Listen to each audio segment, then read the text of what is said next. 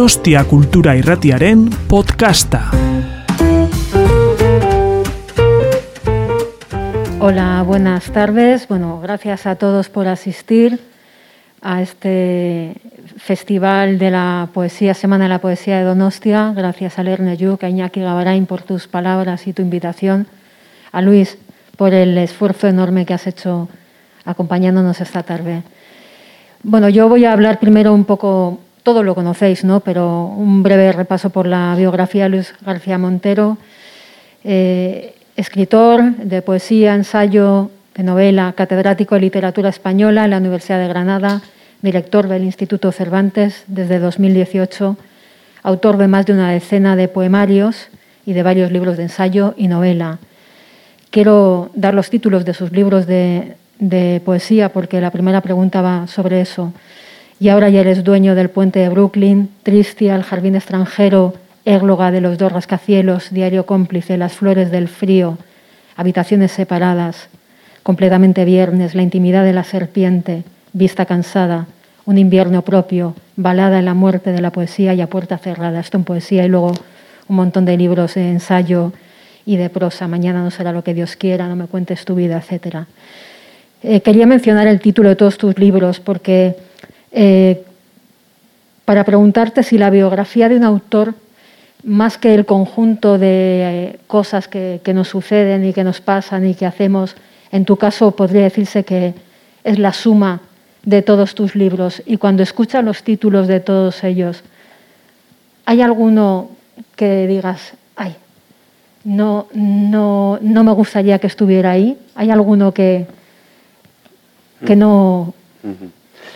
Bueno, eh, Itziar, en, primer lugar, yo quiero dar las gracias a la convocatoria de, este acto. Eh, por muchos motivos me siento muy vinculado a, San Sebastián y en ese sentido para mí es eh, un verdadero placer estar aquí habitando el mundo que, en el que yo me siento cómodo y además eh, compartiendo con Isiar esta conversación. De manera que para mí eh, la verdad es que es un, pla un placer estar aquí en, San Sebastián y íntimamente uno tiene claro las citas a las que no puede, no puede faltar, de manera que encantado. Por lo que me plantea Isiar, eh, claro, hay mucho que, hablar porque tiene que ver con la literatura, con la relación que uno tiene con su propia poesía y con los eh, títulos.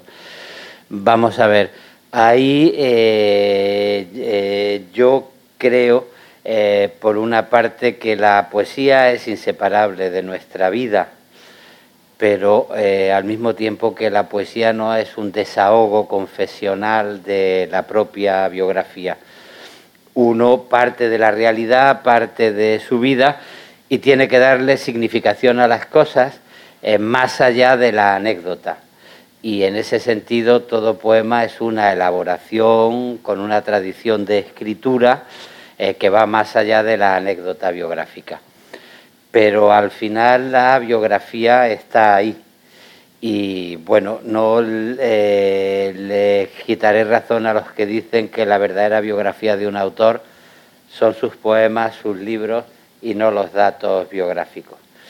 Eh, pero por otra parte, si me preguntas, eh, eh yo creo que para leer con ojos de admiración, lo mejor es leer los poemas que han escrito los demás porque cuando uno eh, lee sus propios poemas o ha perdido la conciencia crítica o es muy tonto, pero se lee siempre con ojos de corrección, sí. no con ojos de admiración.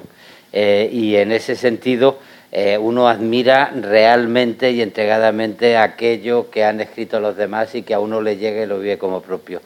Eh, es normal que cuando uno revisa lo propio, pues haya cosas que lo dejen más cómodo y cosas más incómodas.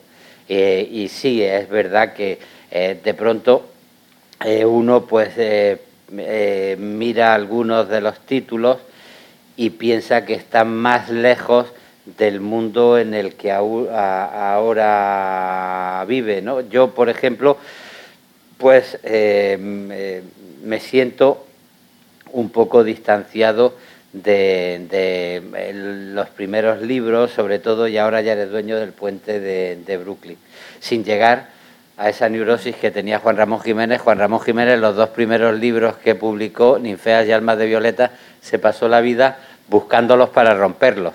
Y de pronto cuando alguien llegaba y le decía, tengo un ejemplar de Ninfeas, ¿me los podría dedicar usted? Sí, tráigalo, tráigalo, tráigalo. Y en cuanto le daban el libro, hacía ta, ta, ta, ta, y lo rompía pero ¿qué hace usted? Y intentó destrozar parte de la, de la edición. Yo a ese punto no llego, pero sí es verdad que me siento más separado de algunos títulos. Eh, a veces eh, eh, me gusta un título, pero no me gusta mucho el, el libro por ejemplo, me siento muy identificado con El Jardín extranjero, que es un título que le robé a Pasolini. Es de un verso de las cenizas de Granchi, eh, un poema que escribió Pasolini delante de la tumba de, Granchi, oyendo el rumor de los talleres eh, romanos y teniendo que decidir entre qué hacía, quedarse en la pureza de la tumba de Granchi o saliendo al mundo contradictorio, lleno de limitaciones y de malas sorpresas eh, de la vida que estaba desarrollándose en los talleres y en los barrios romanos. ¿no? Me gusta mucho más el título de Pasolini que, mi libro. Eh, por resumir, creo que eh, me deja más cómoda la poesía que empecé a publicar a partir de un libro que se llama Habitaciones Separadas en el año 94 que tiene un poco de melancolía eh, y un poco de conciencia crítica en la meditación, de música meditativa, y que eso lo considero más como la atmósfera que a mí me deja más, más tranquilo. ¿no? Tenía al hilo de habitaciones separadas que has mencionado, eh, tengo una duda personal y ya que estás aquí, pues me gustaría que si me la puedes resolver. Habitaciones separadas está prácticamente en el ecuador de tu producción, ¿no? Eh, en la mitad, ¿no?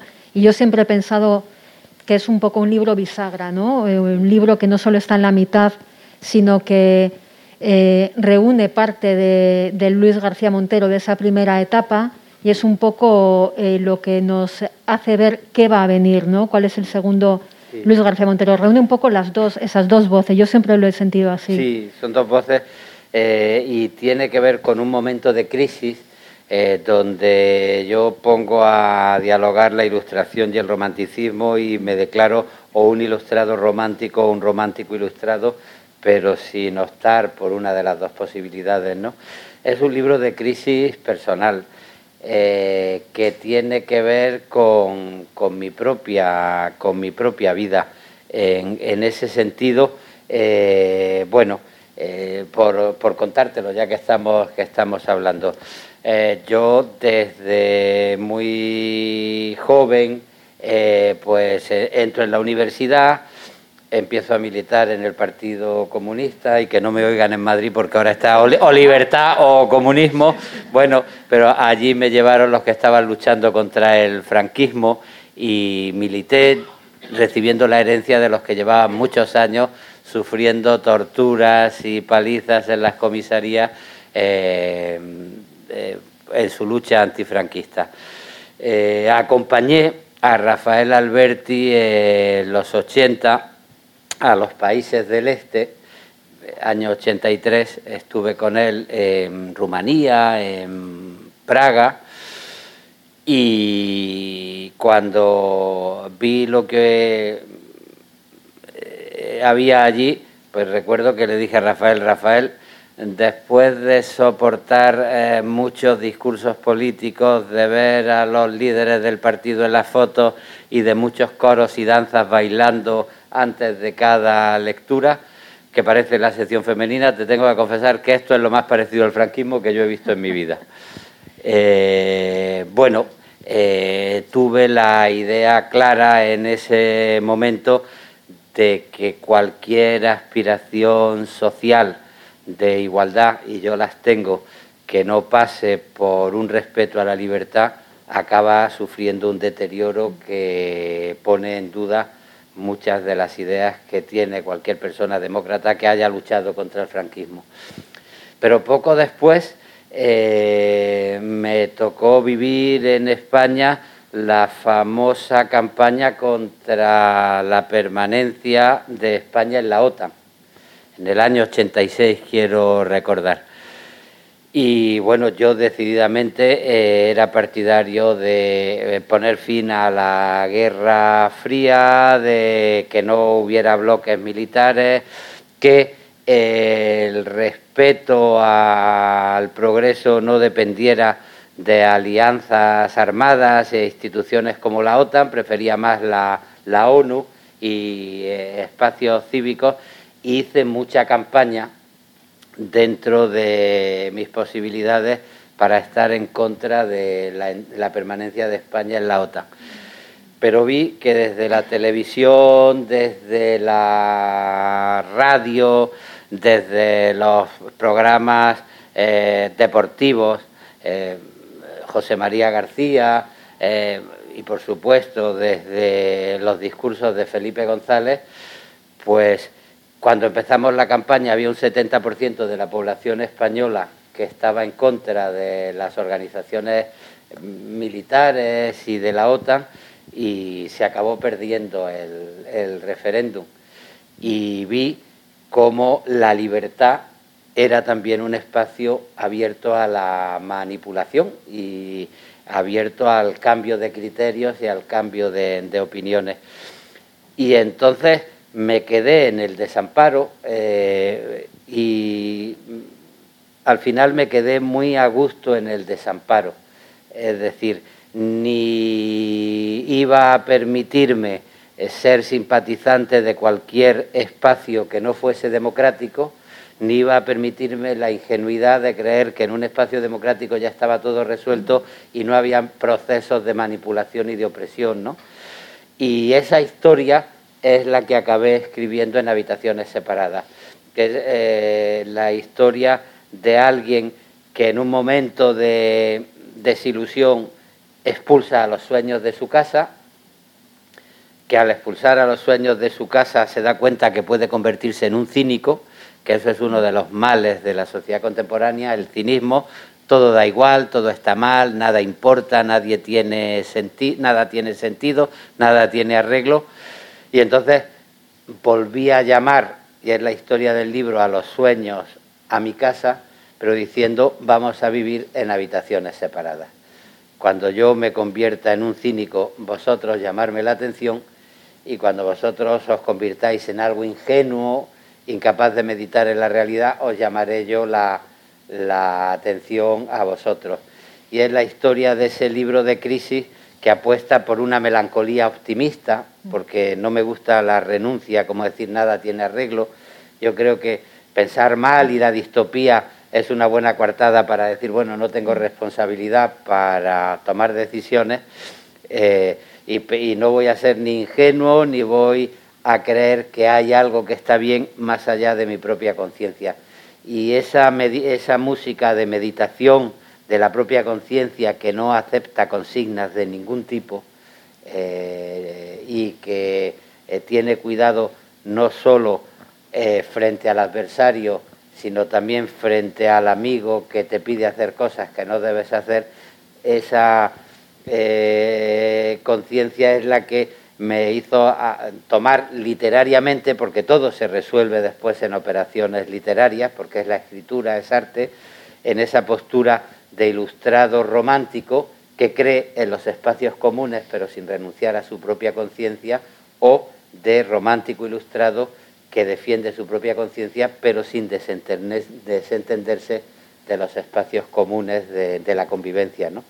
Bueno, esa es la historia un poco de habitaciones separadas y la verdad es que sigo, sigo ahí, pasan los años, pero sigo sintiéndome comprometido con muchas cosas pero antes que nada con mi conciencia para no hacer nada que no eh, crea justo. Has dicho varias cosas que quiero que no quiero que se me olviden. Una libertad, otra Rafael Alberti y otra las conciencias. ¿no? El título de este encuentro es Los versos libres, que no creo que no es un título anecdótico, sino que puede, que creo que resume bastante bastante bien lo que podría ser una declaración de intenciones poética y vital. Eh, dicen que la libertad tiene un precio y me gustaría preguntarte si tú has tenido que pagar algún precio para ser libre en la poesía, para practicar el verso libre en sentido literal y en sentido figurado. Sí. Eh, mira, Iciar, eh, ser un verso libre no es ser un verso suelto. el, verso libre es un pacto por un derecho a la libertad el verso suelto es alguien que se va de cualquier pacto, ¿no? Eh, bueno, eh, yo eh, la verdad es que he tenido que pagar muy poco precio.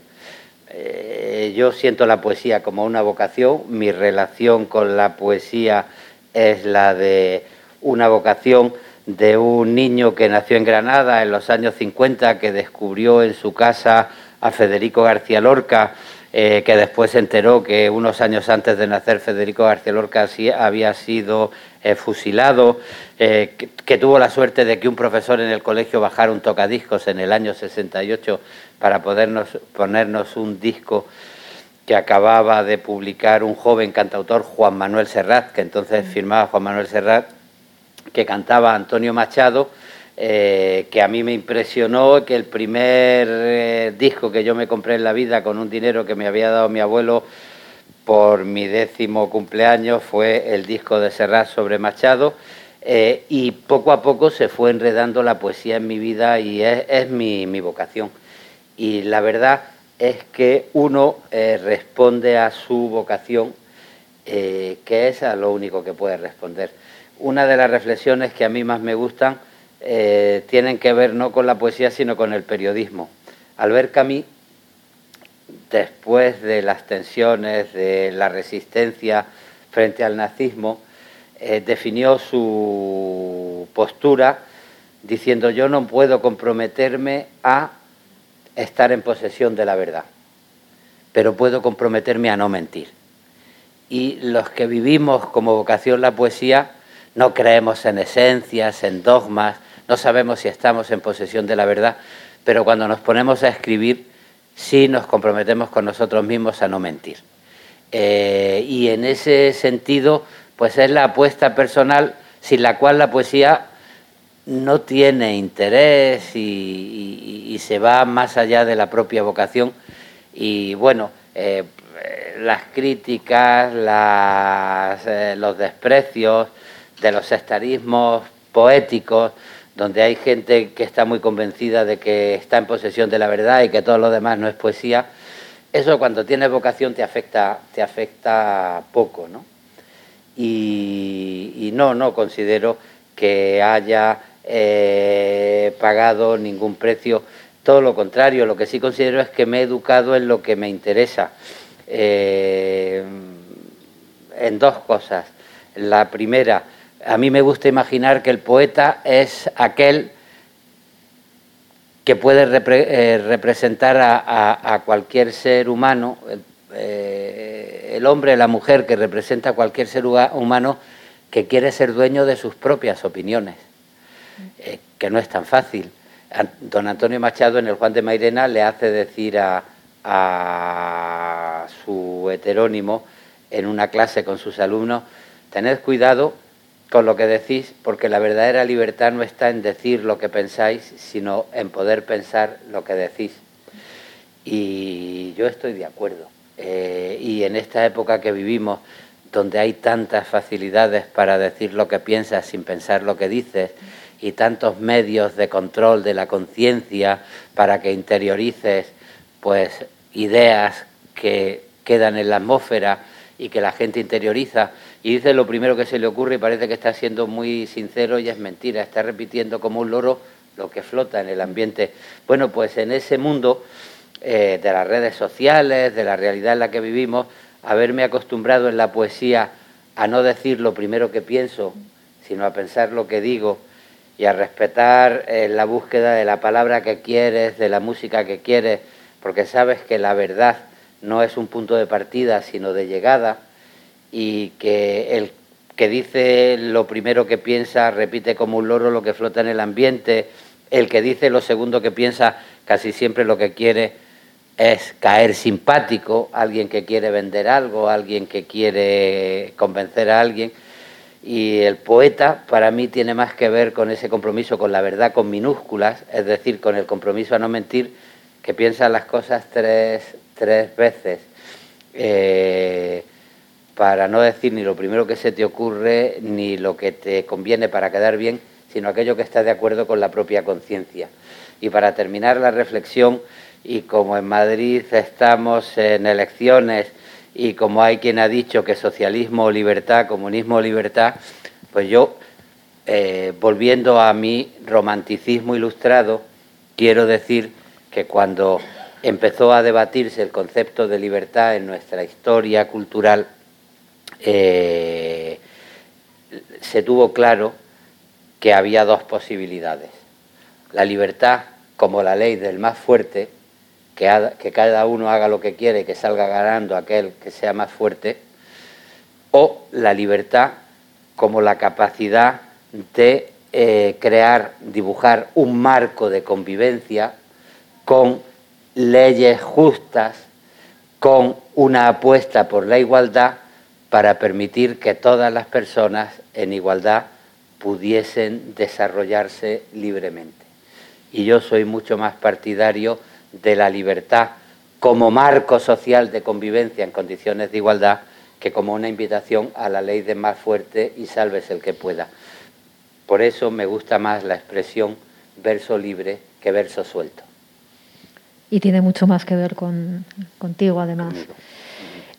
Has dicho hace un momento lo de la tecnología eh, y la conciencia. Apunté una frase que es tuya, dijiste, la tecnología es el nuevo medio de control de las conciencias. Me pregunto si también mm, la tecnología es el nuevo medio de control del tiempo, porque estamos en un momento donde ya no solo es la urgencia y la prisa, ¿no? sino la inmediatez con la que exigimos casi todo. Enviamos un WhatsApp y cuando vemos que alguien lo ha leído estamos esperando que nos conteste inmediatamente. Entonces, la tecnología ha llegado para marcarnos los tiempos, no solamente las conciencias. ¿Y cómo afecta esto a, lo poético? Sí, eh, eh, es verdad. Eh, bueno, yo como profesor de literatura estoy muy acostumbrado a defender las humanidades y a decir que es un cretino todo el que se mete con las humanidades, porque estoy convencido de ello Creo que también puede ser un cretino todo el que se mete con la ciencia y con la tecnología. Eh, y estamos viviendo ahora la pandemia y qué maravilla que haya una vacuna que nos pueda sacar de este enredo. Y yo venía hoy corriendo de Madrid y qué maravilla que exista un teléfono móvil para yo poder llamar y decir, oye, no te preocupes que ya voy por Bilbao, que voy a llegar.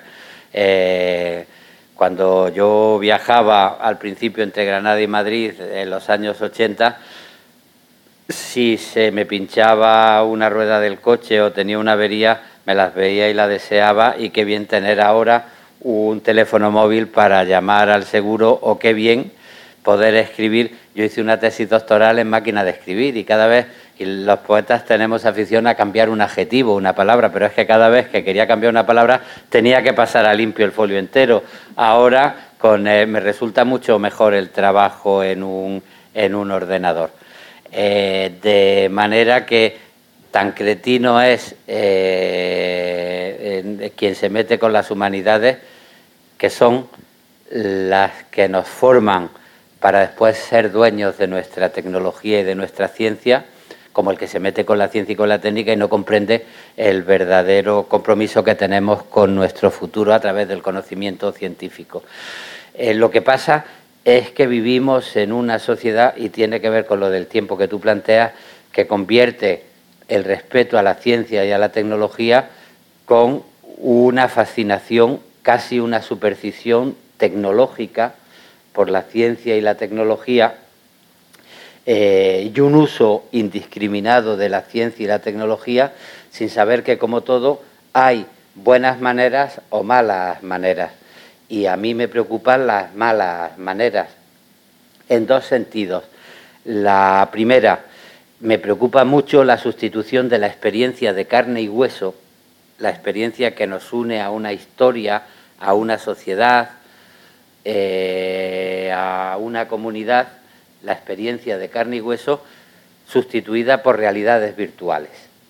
Y no es lo mismo eh, vivir en realidades virtuales que vivir en experiencias de carne y hueso, como no es lo mismo estar en contacto con un cuerpo que estar en contacto con realidades virtuales. Eh, eh, los profesores de literatura en el romanticismo explicamos el sentido de las enfermedades hablando de la tuberculosis. Eh, y cómo la tuberculosis en novelas, en poemas, se convirtió en la metáfora del sujeto en crisis que estaba poniendo en duda la razón y que se consumía por dentro como la tuberculosis consumía por dentro a los sujetos. Bueno, yo creo que una de las enfermedades que caracterizará a la sociedad contemporánea es la anorexia. Eh, estamos tan sometidos a borrar el cuerpo con realidades virtuales que hay chicos, chicas que de pronto parecen cuerpos de campo de concentración cadavéricos y no comen porque se creen gordos. ¿Hasta qué punto se interioriza una realidad virtual de los anuncios de televisión con el contacto directo con la realidad de tu propio cuerpo, ¿no? De manera que a mí me preocupa mucho porque al final, eh, a la hora de opinar y de ser dueño de lo que dices, cuando te dejas llevar por realidades virtuales, eh, es muy complicado. Por hablar de la actualidad y de la tecnología, eh, hoy eh, la mayoría de la gente que lee la prensa a través de Internet, ya se usa poco el papel, casi siempre lo que hace es buscar aquellos medios que le van a dar la razón. Y además aquellas noticias que le gustan y le halagan en aquellos medios que le van a dar la razón. Antes tú abrías un periódico y veías la realidad del mundo en general, eh, pero ahora en cuanto te descuidas solo vas a buscar aquella noticia que te obsesiona y en el medio que te da la razón. Y eso crea un círculo vicioso de obsesiones, de particularidades eh, que alimentan los instintos bajos y, por ejemplo, a la hora de votar, pues más que una visión general de la sociedad, pues hay quien vota porque está a favor de los toros o en contra de los toros y el alcalde o el presidente de la comunidad está a favor o en contra de los toros o porque está a favor o en contra de cualquier otra cosa. Y si tú entras en Google, eh, si yo pongo, por ejemplo, eh, San Sebastián, pues a lo mejor me sale alguna referencia cultural que yo he buscado cuando he entrado en esa pero eh, Google nos hace nuestra ficha. Y, eh, y, bueno, a mí me puede salir alguna referencia cultural o algún resultado de la Real porque, bueno, porque me gusta el fútbol y porque hace poco el Granada le ganó a la, a la Real, ¿no? pero quien se dedique al al turismo, pues les van a salir referencias de turismo, el que se dedique a la prostitución le van a salir donde puede ir de prostitución, quien se dedique a otra cosa, eh, todos tenemos nuestra ficha. Y eso es una alimentación de un círculo vicioso que acaba despertando nuestro desconocimiento del mundo y desplazando la realidad por una obsesión virtual donde mandan los instintos más bajos, que suelen ser los instintos del odio, ¿no? Y todo eso se agrava por algo que tú has planteado también y que me gusta recordar porque creo que la poesía es un antídoto, que es el vértigo, la velocidad. Eh, todos los eh, la cultura neoliberal en la que llevamos mucho tiempo inmersos lo mercantiliza todo. También los conceptos. Y el concepto del tiempo es un concepto mercantilizado.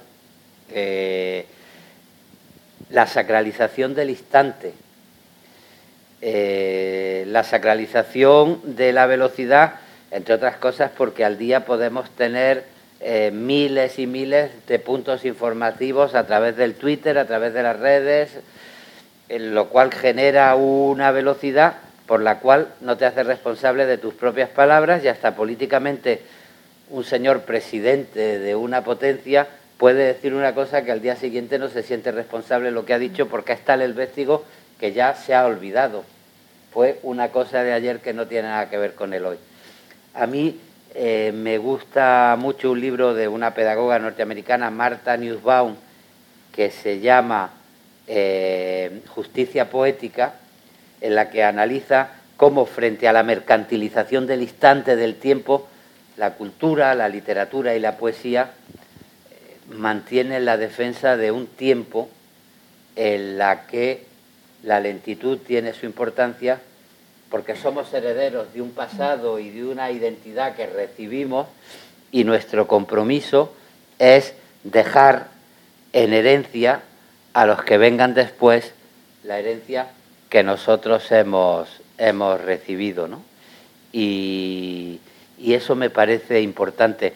Eh, Lyotard, en su famoso ensayo sobre la posmodernidad, hablando del fin de los relatos, de los grandes relatos, porque esto del vértigo ya no existen grandes relatos, recordaba que antes, eh, en torno a la hoguera, se reunió una tribu donde el anciano de la tribu contaba la historia que daba cuerpo a su comunidad y empezaba con eh, un eh, ejercicio retórico, yo, nieto de tal, hijo de tal, voy a contar una historia. Ese ejercicio retórico no quería decir qué importante era mi abuelo y mi padre, sino yo soy un heredero y cuando yo falte, alguien tendrá que dar eh, un paso adelante para ocupar mi lugar y, y seguir con la historia de la comunidad. Pues a mí ese gran relato, esa manera de sentirme heredero de una tradición que yo después vivo radicalmente como propia y respondo desde ella a la realidad de mi presente y espero que algún día llegue un joven para heredarla y eh, dar respuesta desde su presente, yo creo que eso tiene mucho más que ver con la conciencia literaria que esa sacralización del instante de la cultura neoliberal. Y por terminar de contestar tu pregunta, como has hablado de Rafael Alberti, yo tuve la suerte de estar trabajando, preparando mi tesis doctoral cuando Rafael Alberti volvió del exilio y quien era un mito, porque era el poeta del exilio, el amigo de García Lorca, el autor de Sobre los Ángeles o de Retornos de lo Vivo Lejano, pues se bajó del altar y se convirtió en un amigo mío. Y, me enseñó muchas cosas y cada vez le agradezco más una lección de la que no me di cuenta entonces. Y es que una leyenda, un señor de 80 años, se tomaba en serio a un jovencito de veintipocos años, porque cuando vas cumpliendo años ves lo importante que es, es el diálogo generacional, eh, que no haya una ruptura generacional entre viejos cascarrabias que desprecian a los jóvenes o jóvenes adánicos que se creen que se están inventando el mundo y que no tienen que recibir nada de los mayores, y la literatura frente a la sacralización del instante y al vértigo tiene que ver con la herencia recibida y con la ilusión de que esa herencia siga rodando en el tiempo entre los jóvenes que se acerquen a la hoguera para sustituir desde su propia conciencia y desde su propio tiempo al anciano que falte para seguir con el relato de yo, nieto de tal, hijo de tal. Así entiendo yo la poesía y por eso me gusta muy poco la cultura del instante y del vértigo neoliberal. Precisamente uno de los bloques que tenía preparados para hoy se llamaba diálogo intergeneracional y mm. parte de esa afirmación que haces es importante estar atento al diálogo intergeneracional. En tu caso es evidente que lo has hecho mm. eh, con generaciones anteriores y ahora con generaciones nuevas que además eh, han hecho de tus poemas canciones y donde hay un intercambio de, disciplinas que enriquece muchísimo, pero tengo la sensación de que ese diálogo intergeneracional cada vez se está apagando más y no sé si tiene que ver eh, con, con las redes sociales y con esa tendencia que hay ahora de ser cada uno nuestra propia marca, ¿no? eh, de estar tan sometidos a la cultura del like, de los seguidores, de, de las influencias. Y eso creo que si no dialogamos entre, una, entre nuestra propia generación, ¿cómo vamos a dialogar con otras generaciones? ¿no? Cuando lo natural es que se haga esa, que se pase ese testigo de una generación a otra. Eh, eh, es, así y hay motivos de, preocupación. El no diálogo tiene que ver con esa idea de las multitudes que Federico García Lorca eh, trató en Poeta en Nueva York, que había recogido de Baudelaire Baudelaire como traductor de Poe y del hombre de la multitud, cuando se hablaba de las multitudes no como una aglomeración de gente, sino como una aglomeración de soledades. El protagonista del hombre de la multitud puede estar un día entero eh, caminando por una ciudad dentro de una masa de gente sin reconocer a nadie y sin hablar con nadie porque hay una acumulación de soledades más que una articulación de personas. Bueno, pues eh, eh, muchas de las condiciones son una invitación a la soledad y al egoísmo. Eso es, eso es así. Como también es verdad que hay mucha invitación a una sociedad muy, muy hedonista, que tiene repercusiones en mil matices. Una de ellas es el chico joven adánico que, que se cree que todo se lo está inventando el periodismo, la poesía, eh, la vida, la política, todo. Eh, con lo cual la reacción de las personas que estamos teniendo una edad y que vivimos en un mundo un poco raro, pues la reacción es convertirnos en unos viejos cascarrabias y se imposibilita un diálogo generacional que es lo que nos articula como identidad y como comunidad, ¿no? Eso es también verdad. Eh, por lo que se refiere a las redes sociales, eh, ahí eh, yo veo eh, que como en todo hay que tener una conciencia precavida y analizar la, situación. fíjate que la, poesía Iciar, no sé qué te parece, pero siempre ha vivido en una frontera entre la conciencia más íntima y lo público. uno tiene unas verdades íntimas y las elabora para convertirlo en un poema que es un espacio público donde puede entrar un lector. Con las redes sociales pasa absolutamente lo mismo. Hay un espacio íntimo y al lado de la frontera, a poca distancia, un espacio público y nos estamos acostumbrando a, acostumbrando a publicitar sin pudor pues el desastre amoroso que hemos tenido, o el enamoramiento que hemos tenido, o la muerte de un ser querido, y casi sin pensar lo que decimos, eh, lanzamos a lo público cosas que afectan a nuestra intimidad. Eh, bueno, esa es una realidad. Para, eh, para ir hacia ahí la, poesía puede ser un, un buen mecanismo, porque la poesía es pudorosa, incluso cuando habla de lo más profundo de nosotros. Es una elaboración donde intentamos pensar lo que decimos y decirlo de una manera determinada. Y a mí me gusta que en las redes sociales haya poesía y que haya presencia de poetas, porque eso ennoblece un poco las redes sociales tan acostumbradas a la banalidad, al insulto, al eh, impudor.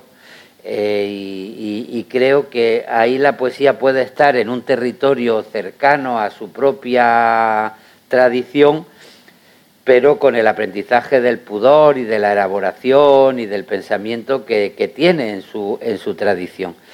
Y eh, como estoy convencido de que la poesía está pegada a la vida y que en la vida actual las redes sociales tienen un espacio clarísimo, pues los jóvenes van a vivir como un territorio nativo las redes sociales y está bien que eso ocurra, porque es eh, eh, la respuesta que la poesía hace a una realidad inseparable de la vida y las redes sociales ya son inseparables de la vida. Lo que sí estoy convencido es que los poetas que hayan nacido en el mundo de las redes sociales, eh, darán frutos poéticos si aparte de las redes sociales tengan un equipaje eh, de conocimiento y se hayan molestado el leer a Garcilaso, a Baudelaire, a Gabriel Aresti o a Rosalía de Castro, eh, porque si no serán jóvenes adánicos que crean en la banalidad o en la superficialidad de que un buen poema es aquel que en 10 minutos puede tener 5.000 me gustas y que tenga 5.000 me gustas no es, no es eh, justificación de que sea un buen poema. Y hay mucha gente que en eh, la dinámica de las redes sociales pues puede confundir un poema con una campaña publicitaria de unos grandes almacenes en el Día de los Enamorados o en el Día del Padre. Y no se trata de eso porque la poesía es conocimiento y es indagación y no es halago superficial para un señor acostumbrado al consumo. Hay cierto prejuicio también en, aceptar que no es malo del todo que la poesía haya entrado en el mercado con fuerza, eh, como otros eh, productos de, consumo, ¿no? Eh, porque de la misma forma que puede haber productos de extraordinaria calidad, también puede haber otras cosas de muy mala calidad y en la poesía puede pasar lo mismo, ¿no? Confiemos también un poco más en el criterio de, quien consume y del lector y no, no nos perdamos en los prejuicios ya desde el principio. Yo, estoy convencido. Eh, eh, Francisco Brines eh, siempre repetía que un poeta no tiene público, pero tiene lectores. Y cuantos más lectores se acerquen a la poesía, pues mucho mejor para la, para la poesía. Yo ahí estoy, estoy convencido me niego a pensar que la gente es tonta eh, y me niego a pensar que la única poesía verdadera es la poesía escrita para poetas a la que se acercan cuatro. En un momento muy divertido, eh, Federico García Lorca leyendo el responso a Berlín de Rubén Darío, eh, cuando llegaba al verso que púberes canéforas te ofrenden el acanto, decía, qué maravilla, solo entiendo el qué. Bueno, yo no soy partidario de, esa opción que Federico García Lorca proponía como, como, como broma, ¿no? A mí me gusta la poesía que hable de la gente y de la vida de la gente, porque es la poesía que a mí como lector más me ha marcado. Yo he pasado mucho más tiempo leyendo poemas que escribiendo mis mm. poemas y creo que, que la poesía enseña mucho. Cuanto más lectores haya de poesía, mejor eh, lo que no se puede sacrificar es la calidad del poema en busca de lectores, porque eso es rebajar la exigencia de la poesía, como también es una trampa creer que por tener dos personas estás haciendo un poema maravilloso, porque tampoco el elitismo es justificación de calidad poética, todo lo contrario, eh, casi siempre cuando hay dos personas nada más entre tus lectores, es mucho más fácil engañarlas que cuando hay 50, 100 mil o 2 mil personas. ¿no? Eh, bueno, eh, en ese sentido, eh, si uno piensa la historia de la literatura y ve los lectores que han podido tener, pues, por ejemplo, en novela, Galdós, pues a mí Galdós me parece un novelista maravilloso y me parece de primera calidad y él tuvo claro que él quería vivir de la literatura y tener lectores y no quería ser eh, el novelista o el poeta muerto de hambre diciendo yo es que tengo mucha calidad y si eh, no tengo lectores porque soy demasiado bueno para la gente. No, no a mí me parece que, que los lectores son muy importantes y, y bueno, y la literatura está llena de ejemplos de poetas estupendos que en su momento no tuvieron mucho reconocimiento, eh, pero son más los poetas estupendos que tuvieron en su época reconocimiento y que intervinieron en su sociedad y que siguen pareciéndonos eh, fundamentales. ¿no? Y en ese sentido eh, yo creo que, que el que desprecia al lector está haciendo un ejercicio enmascarado eh, de vanidad y quien tiene suerte de tener lectores, eh, me parece que que puede sentirse satisfecho sin tener mala conciencia ninguna. Eso sí, apostando por la calidad. Pero yo estoy mucho más acostumbrado a ver trampas del que tiene poquísimos lectores y que apuesta por un hermetismo que, que no se entienda nada más que el qué, y de yo es que tengo calidad. Veo muchas más trampas ahí que de poetas que tienen lectores y que siguen eh, en contacto con, con, su, con sus lectores eh, y que bueno intentan hacerlo lo mejor posible sin pensar que por su éxito están traicionando a la poesía. Pero es que ha habido algún tiempo en el que la, poesía no haya provocado algún conflicto de, bloques. O sea, me pregunto, ¿en algún ámbito se pelea tanto como, como en la poesía? Porque es la sensación que, tengo. Eh, eh, pero yo creo que en eso, como es todo, eh, la vida amorosa, la vida sexual, eh, eh, la vida ah, en cualquier cosa, también es cosa de edad. Yo que haya poetas de veintitantos años que se peleen, me resulta simpático. Yo, eh, yo, recuerdo un poema de Carmelo hablando de un curso de verano, yo creo que Santander en la WIN, donde se reunían muchos poetas y decía eh, cómo acababa el poema, era algo, eh, no ha habido heridos graves, ¿no? Era una, una cosa así. Bueno, eso es, o como decía Manolo Alcántara cuando había que pagar en una reunión de poetas y alguien iba a pagar y dice, no, no, vamos a repartir y así habrá heridos pero ningún muerto. Bueno, pues eh, eso eh, con cierta edad juvenil, donde estás buscando tu propio mundo, es, eh, aceptable y, bueno, pues me resulta simpático lo que me parece más grave es el sectarismo de pasar de años y, y llegar a, a 60, 70 años y despreciar todo lo que no se te parezca a ti y alabar nada más que lo que se parece a ti o lo tuyo propio y no comprender que hay muchas posibilidades y que y sobre todo que tú eh, disfrutas con lo que disfrutas y que los demás disfruten con lo que disfrutas sin convertirlo eso en un conflicto, ¿no? Pero es que, es que fíjate, te pones a dar clases de literatura y te encuentras a, a eh, te encuentras a un poeta del siglo XV, a Cristóbal de Castillejos, que dice claramente que a él Garcilaso no le parece un buen poeta, que es prosaico y que eso es una estafa y que no va a durar mucho. Garcilaso, porque escribía en decasílabos y porque el entecasílabo melancólico de Garcilaso tenía un ritmo, yo no nací sino para quererte, mi alma os ha cortado a su medida, por hábito del alma misma os quiero, cuanto tengo confieso yo de veros, por vos nací, por vos tengo la vida, por vos he de morir y por vos muero. Una cosa de serenidad propia de un ser humano renacentista que entendía la poesía como la expresión de un sentimiento interior, eso a Castillejos, que era un poeta cortesano, le parecía prosaísmo, porque entendía la poesía como habilidad.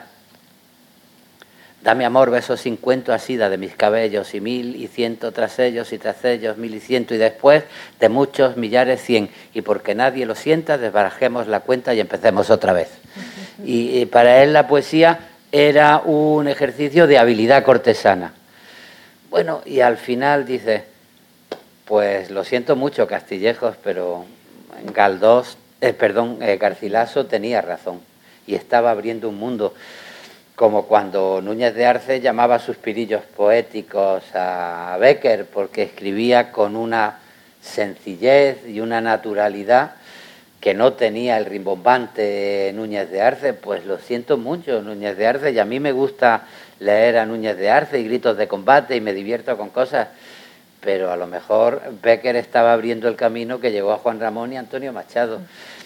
Por lo cual, eh, lo que nos eh, enseña la historia de la literatura es a la humildad de decir, eh, por mucho éxito que tengas, no desprecies cosas que te parecen malas, porque a lo mejor, a lo mejor por ahí va buscando el futuro su, su camino.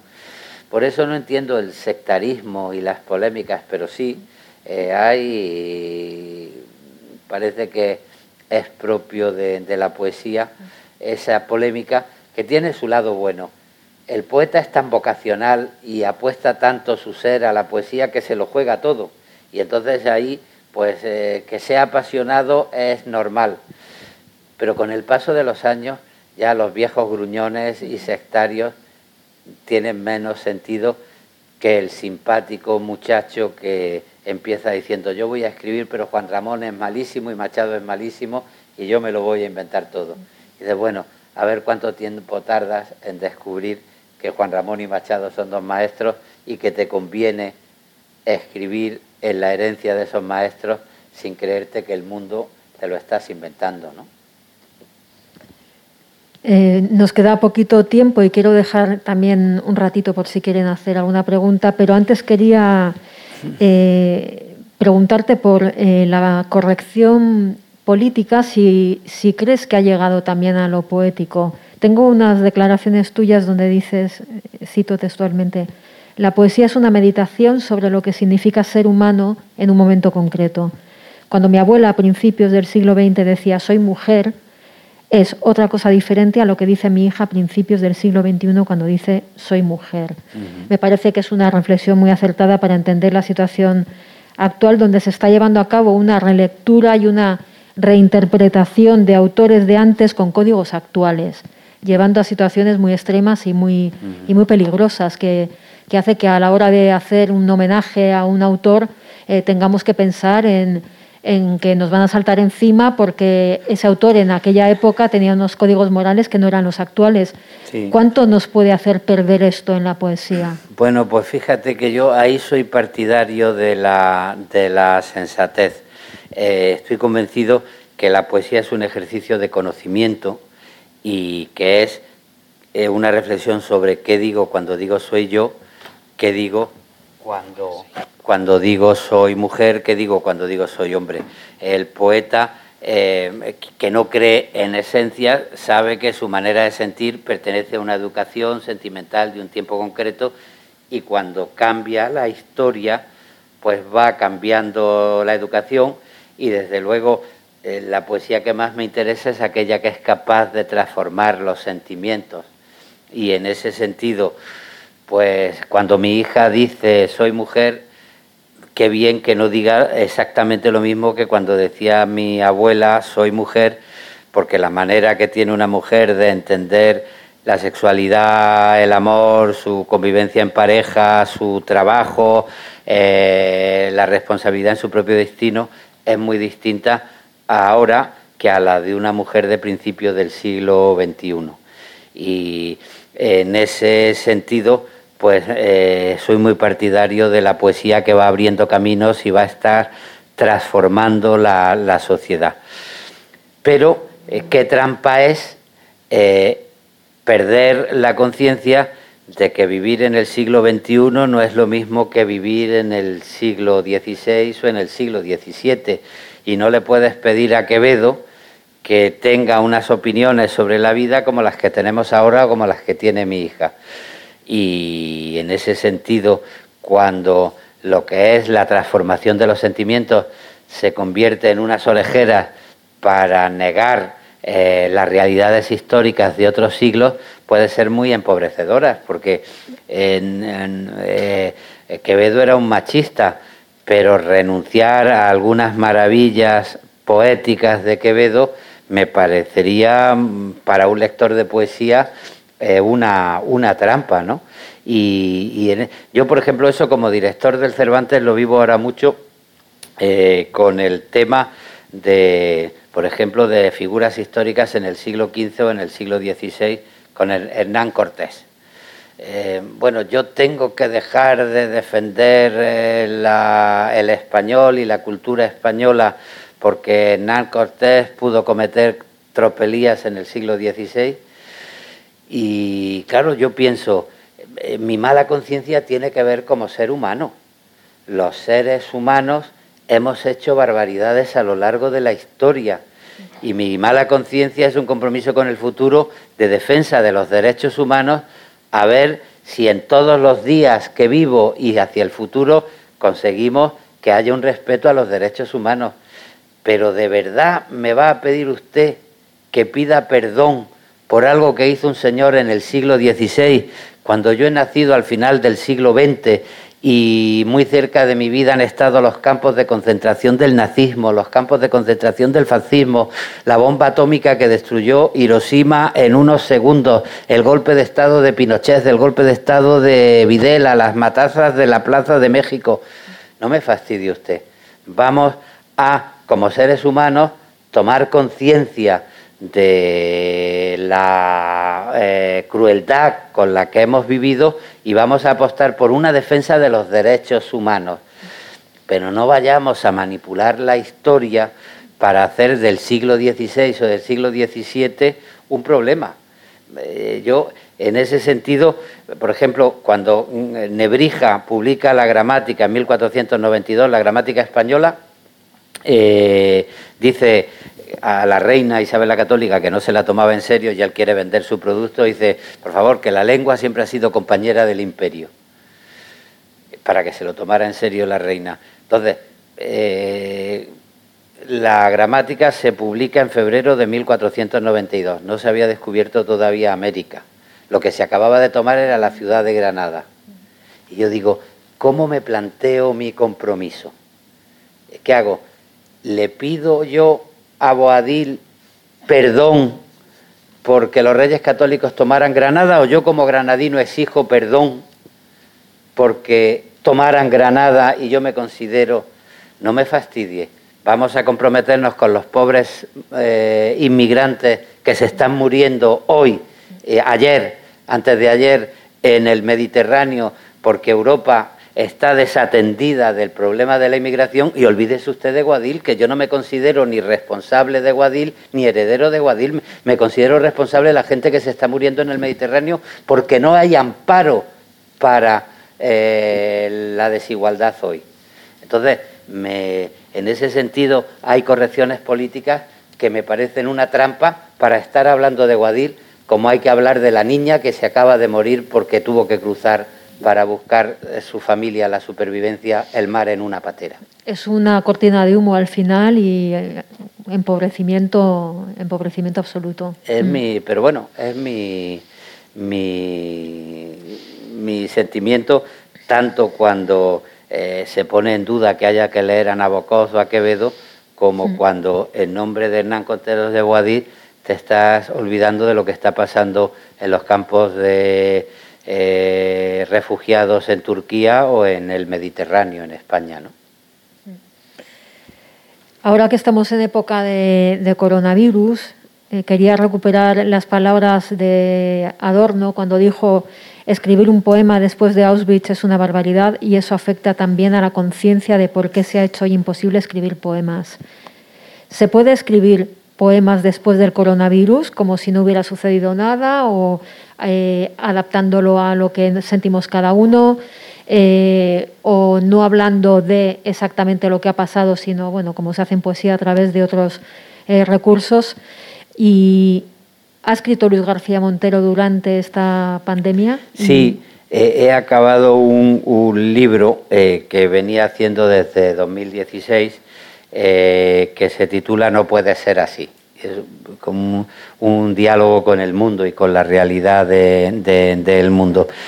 Eh, eh, yo eh, creo que son buenos tiempos para la lírica y no estoy de acuerdo con la identificación de escribir un poema con la barbarie que, decía Adorno. Y por plantearlo en el tema del coronavirus, bueno, todos hemos visto eh, lo frágiles que somos, que el narcisismo de la sociedad de consumo eh, nos había en los últimos años hecho precipitadamente olvidar lo frágiles que somos y que tenemos que cuidarnos. Y cuidarse significa darnos entre todos reglas de seguridad y de convivencia y significa también devolverle a los espacios públicos la autoridad suficiente para decir pues ahora conviene un confinamiento, ahora no conviene un confinamiento, y ahora los científicos están diciendo, y ahora los científicos están diciendo lo otro. Yo soy muy partidario de esa, de devolverle al Estado la autoridad que la cultura neoliberal le ha ido, le ha ido quitando. Y me parece que la sanidad lo ha demostrado. ¿Qué es lo que ocurre? que devolverle al Estado la autoridad para un demócrata significa defender también la conciencia cívica, los derechos individuales, porque si no el Estado acaba en un autoritarismo eh, grave. ¿no? Y a mí me parece que la poesía eh, representa un ejercicio de conciencia muy íntimo que quiere establecer diálogo con los demás. Y en ese sentido, dentro de las dificultades que estamos viviendo y dentro de un ordenamiento necesario para que se cumplan las normas de convivencia sociales que dicta la autoridad y que al mismo tiempo se respeten los derechos individuales y las conciencias individuales y las conciencias individuales sean capaces de comprender los compromisos públicos más allá del capricho hedonista, pues a mí me parece que la poesía puede ocupar un espacio significativo y simbólico muy importante. Claro, porque estoy acostumbrado a ver el mundo desde la poesía y hablamos antes de que no es lo mismo un verso libre que un verso suelto, yo me considero un verso libre, pero no quiero ser un verso suelto. Eh, ¿Qué, ¿Qué, le vamos a hacer? No, no, no, no me gustan los versos sueltos que se creen con derecho a organizar fiestas a las 12 de la noche eh, sin mascarilla eh, porque somos muy libres cuando hay índices que están poniendo de juego, en juego la vida de los demás. ¿no? Entonces, eh, está muy bien conseguir que la conciencia individual esté equilibrada con el respeto a la convivencia. Y para mí, para otros, su vocación, le habrá puesto otros ejemplos, pero para mí lo que ha articulado una conciencia irrenunciable con un compromiso colectivo es la poesía. Bueno, eh, a mí me gustaría, si es posible, que, antes de dar el turno al público, si puedes leernos algún un poemita, pues yo creo que también la gente está, está deseando escucharte. Pues te voy a hacer caso literalmente. Entonces voy a leer más que un poema, un poemita. Eh, de, si, lo llego, si lo llego a saber. no, está bien, porque eh, mira, un poema eh, para dar tiempo al público, por si quiere preguntar algo, un poema de cinco versos que me sé de memoria y así ni tengo que buscarlo, y que se titula En resumen, y que tiene mucho de poética y tiene mucho de, bueno, pues de que tiene que ver con lo que estamos hablando, sin ser un sermón, sino un sentimiento propio te lo dedico, Isiar. Gracias por este, por este coloquio. Eh, no existe libertad que no conozca, ni humillación o miedo a los que no me haya doblegado. Por eso sé de amor. Por eso no medito el cuerpo que te doy. Por eso cuido tanto las cosas que te digo. Es un poema, en resumen, de uno de mis últimos libros. Yo creo que es un, poema de, o de completamente viernes. No sé si alguien tiene alguna, alguna pregunta. Sí. Yo, la pregunta que te voy a hacer parte de habitaciones separadas, el poema de Aunque tú no lo sepas, ¿no? Me, hace me llamó mucho la atención que un poema como lo escribiste tú, con, con, con el texto que tú pones, luego viene un cantante González, con, la, con el mismo título, hace una cosa totalmente distinta, preciosa, pero ¿cómo puede haber el sentimiento? Sí. O las palabras vividas que ha hecho con Guión. Con, un cantante después, y los dos en, en, común hacéis una obra de arte que no es ni música solo ni poesía, sí. son mis cosas. ¿no? Sí, eh, mira, yo a ese, a ese, poema le estoy muy agradecido, un poema de habitaciones separadas que se titulan Que tú no lo sepas. Eh, Enrique Urquijo le había encargado a Quique González que le escribiera una canción. Y Quique estaba leyendo Habitaciones Separadas y de pronto dijo, mira, este poema eh, me puede servir para canción. Y conservando el título hizo una versión del poema a su manera, que hizo una canción estupenda que cantó primero Enrique Urquijo y que después cantó él, eh, que después cantó Quique. Y a mí me gustó mucho, cuando me mandó el disco me gustó mucho. Y además le estoy muy agradecido porque mi hija, mi hija mayor, eh, que entonces era una adolescente, ahora es una mujer de 33 años, era una adolescente, llegó un día del colegio a casa y me dijo, papá, eh, ese García Montero del que habla Enrique, eh, Quique González, ¿eres tú? Y yo le dije, sí, hija, soy yo. Y me dijo, medio en serio, medio en broma, uy, y yo que creía que eras tonto, porque, porque que, le gustaba mucho a Quique González. Bueno, pues, con los cantautores pasa lo mismo que con los poetas, que uno tiene las admiraciones de los mayores, bueno, pues Paco Ibáñez, eh, Serrat, Víctor Manuel, eh, después la gente más o menos de ciudad, un poco más joven, eh, con Joaquín Sabina en mi caso y tal, pero hay un momento donde empieza a haber gente joven y que son las que te ayuda a tener ese diálogo generacional si puedes admirarlos, ¿no? y me gustó mucho desde Salitre y desde, ese, desde esa canción Quique, Quique González. Y hemos seguido siendo amigos, lo mismo que ahora admiro a poetas jóvenes, pues admiro a cantautores más jóvenes que yo. Y cuando, cuando eh, eh, él me llamó para decir, oye, te estoy musicando, acabo de musicar un par de poemas tuyos, quiero hacer un disco, yo dije, mira, me apetece más otra cosa, no música, poemas míos, voy a escribirte yo letras de canción, porque como te oigo mucho, me gustaría escribir eh, letras de canción a tu manera y que tú cantes. Y salió el disco ese eh, de hace un par de años de las palabras vividas, que, lo presento aquí también y, me parece, bueno, yo quedé, quedé encantado, eh, le tengo mucho, mucho afecto.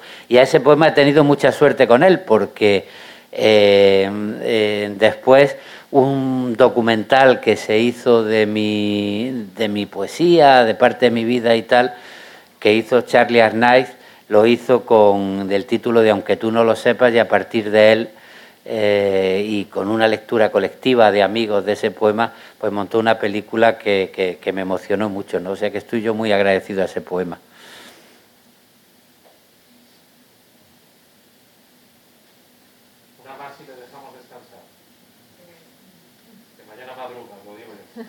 no, bueno. Bueno, yo ya preguntaría, el, que a partir del día 29 empecé en, el, eh, en el Instituto Cervantes sobre el flamenco. Sí. Sí. Eh, tú estás otra vez dando la cara el, Mundial del Flamenco. ¿no? Sí. Bueno, pues yo en ese sentido, cuando he hablado de Serrat y eso, podía haber hablado también de Enrique Morente, ¿no? Eh, que eso que, fue un, amigo muy, muy especial y otro maestro para el que escribí también. Eh, queremos en el Instituto Cervantes y dentro de los 30 años eh, hacer algunas actividades que sean un apoyo al mundo cultural y a la movilidad del mundo cultural. Eh, ahora se ha puesto en marcha una asociación que se llama Unión Flamenca, en la que algunas eh, maestras y algunos maestros del cante, estoy pensando en Carmen Linares, en Arcángel, en Marina Heredia, pues y en Eva Yerbabuena, están intentando ayudar a la gente más joven con mucho talento, pero que se ha visto en una situación muy difícil por la pandemia y por las dificultades para las actividades culturales. Entonces, eh, en una reunión eh, con ellos llegamos al acuerdo de intentar hacer un eh, concurso internacional o un congreso internacional de, flamenco, eh, porque es verdad que al Instituto Cervantes en la mayoría de los sitios se le piden muchas actividades flamencas porque eso llama mucho la, atención. pero y colaboramos en festivales. Nosotros queríamos hacer una cosa de ayudar a la gente joven y de hacer un estudio de lo más novedoso, lo que menos Carcundia encierra y las transformaciones más grandes que se están haciendo en, en el cante y en el flamenco. Y, presentamos este Congreso Internacional que vamos a tener en, en Estados Unidos, en América, en Europa, en Asia, eh, a lo largo del año, donde aparte de, llevar a gente joven, vamos a invitar también a figuras que amparen a los jóvenes y que mediten sobre la realidad actual del flamenco y sobre los debates que hay abiertos. ¿no? Y bueno, he tenido la suerte de que el 29 eh, vengan al instituto eh, gente a la que yo admiro mucho dentro del cante, como eh, Arcángel, como Carmen Linares, como, como Marina Heredia y Rocío Márquez.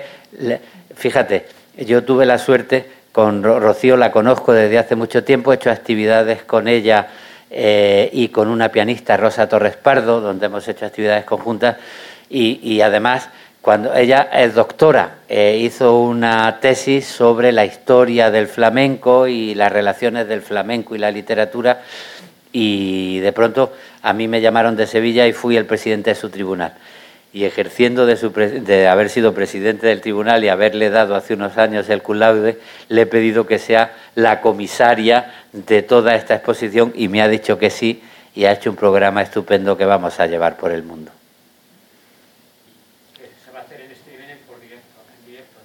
Eh, el día 29 eh, la presentación, como ellos dicen, a las 12 de la mañana es una hora muy flamenca, muy flamenca para cantar un poquito, ¿no? Pero a ver si les doy una copita a las 10 y a las 11 y a las 12 están a punto para que hablen del Congreso y al mismo tiempo alguien pues cante algo. Bueno, pues muchas gracias, eh, Luis, y gracias, a, ti, a todos vosotros. Gracias.